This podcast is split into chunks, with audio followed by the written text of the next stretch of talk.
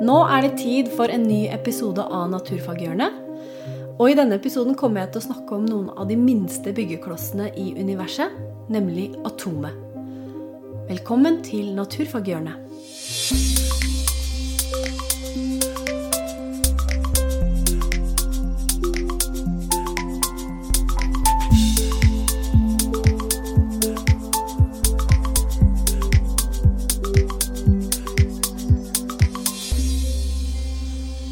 Hvis vi ser for oss at vi knuser en stein, da blir den til mindre og mindre biter. Men hvor små kan bitene egentlig bli? Det er et spørsmål som mennesker har lurt på i tusenvis av år. Og i dag så veit vi at de minste delene er så små at vi ikke kan se dem, sjøl ikke i verdens beste mikroskop. Alt som fins rundt oss, i lufta, i jorda, i kroppen din, i atmosfæren, ja, hele universet, er laget av disse bitte små bitene. Eh, vi kan godt kalle dem for byggeklosser. De her byggeklossene kalles atomer. Atomene er så ufattelig små, eh, og siden de er så små, så inneholder kroppen vår omtrent syv milliarder, milliarder, milliarder atomer. Altså tallet 7 etterfulgt av 27 nuller. For å gi et litt bedre bilde av hvor små atomene faktisk er, så kan vi tenke oss at vi forstørrer ett til det er på størrelse med et eple. Hvis et atom hadde vært så stort som et eple, ja, da ville et faktisk eple vært like stort som hele jordkloden. Et annet eksempel er å ta en titt på et av hårstråene dine. Se på tjukkelsen. Det er ikke så veldig tjukt, er det vel? Men tenk at for å få, eh, få til den tjukkelsen som hårstrået ditt, så må det 500 000 atomer til.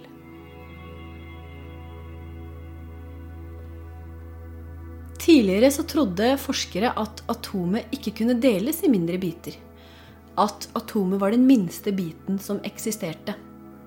Men eh, etter mange år med forskning så vet vi i dag at atomet er satt sammen av enda mindre små deler.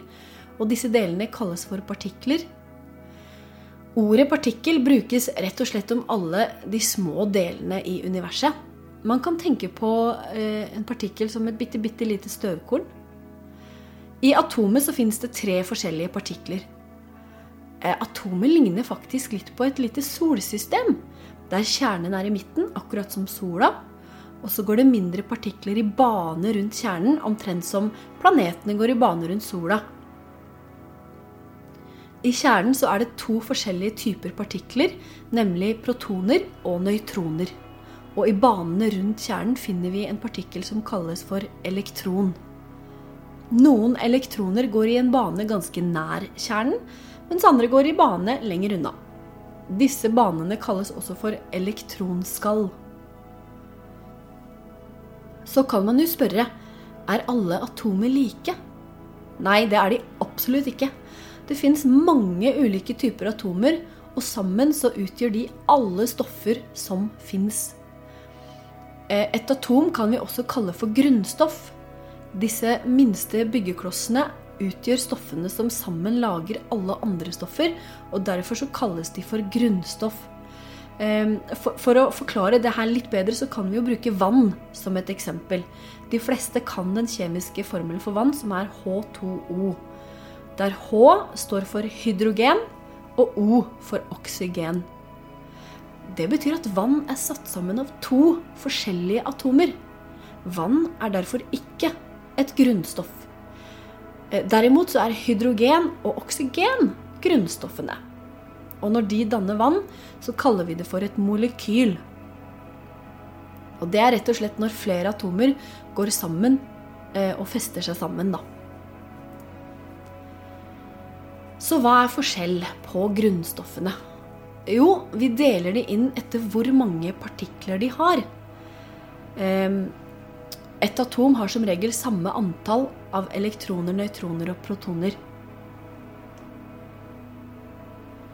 Eh, helium har f.eks. to av hver. Mens oksygen har åtte av hver, gull er òg et grunnstoff og har 79 av hver partikkel. Og alle disse stoffene er organisert i et system som kalles det periodiske system. Og det kommer det mer om i en helt egen episode.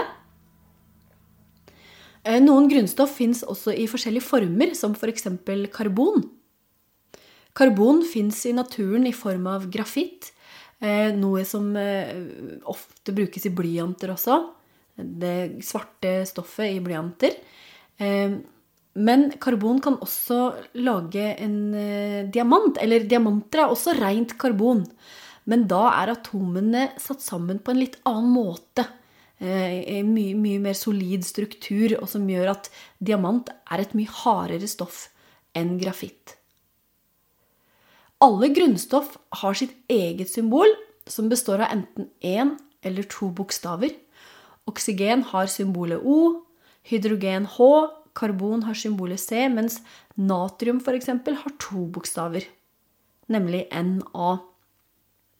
Symbolene brukes for å kunne skrive stoffene på en eh, enklere måte, og for å vise hva slags atomer da, som, som eh, hvert stoff består av. Eh, men husk at når et stoff har to bokstaver som symbol, så skal den første være stor bokstav og den andre liten bokstav. I neste episode skal jeg gå litt mer inn på det periodiske system, og vi skal også snakke mer om eh, molekyler. Og inntil da, vær nysgjerrig og interessert i kloden vår.